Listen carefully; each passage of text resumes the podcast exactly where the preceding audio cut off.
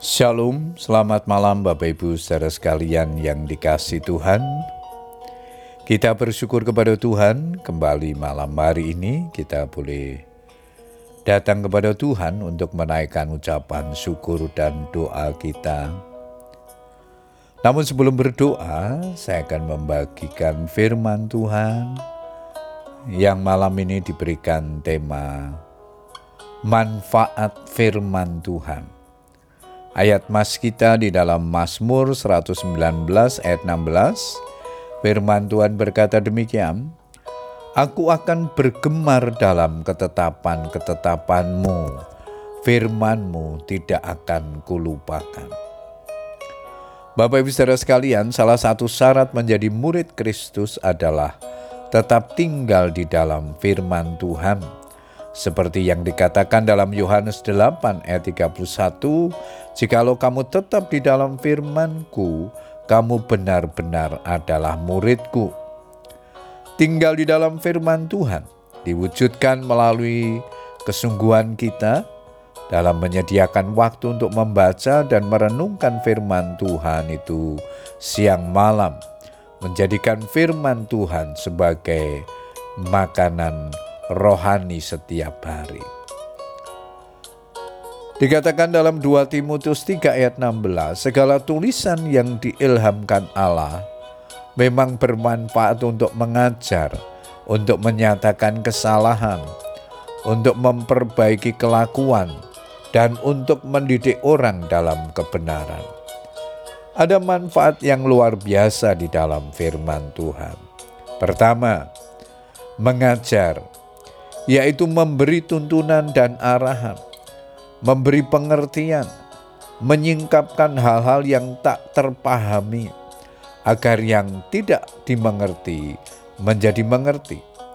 Daud berkata, betapa ku cintai Tauratmu, aku merenungkannya sepanjang hari. Perintahmu membuat aku lebih bijaksana, lebih berakal budi daripada semua pengajarku, lebih mengerti daripada orang-orang tua. Mazmur 119 ayat 97 sampai 100. Hal yang kedua, manfaat firman Tuhan adalah menyatakan kesalahan.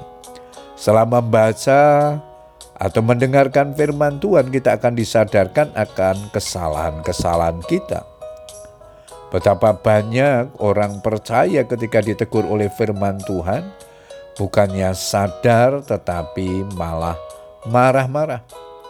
Semakin kita tekun membaca dan merenungkan firman Tuhan, semakin kita seharusnya mempunyai panca indera yang terlatih untuk membedakan yang baik daripada yang jahat. Ibrani 5 ayat yang ke-14. Manfaat yang ketiga yaitu memperbaiki kelakuan. Memperbaiki berarti melakukan reparasi atau restorasi. Tujuannya agar kita menjadi pribadi yang jauh lebih baik. Kemudian yang keempat, manfaat firman Tuhan adalah mendidik dalam kebenaran.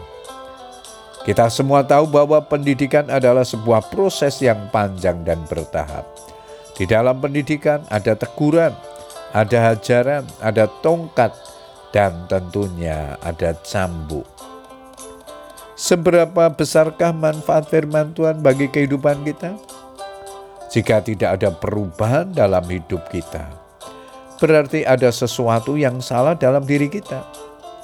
Sebab semakin lama kita mengikut Tuhan, seharusnya kita semakin dewasa rohani dan semakin menghasilkan buah.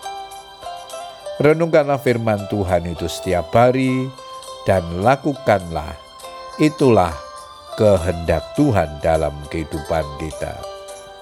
Puji Tuhan Bapak Ibu Saudara sekalian, ialah kebenaran firman Tuhan yang kita baca dan renungkan malam hari ini menolong kita untuk kita terus dituntun, diajar, diarahkan firman Tuhan sehingga firman Tuhan itu berbuah dalam kehidupan kita. Selamat berdoa. Tuhan Yesus memberkati. Amin.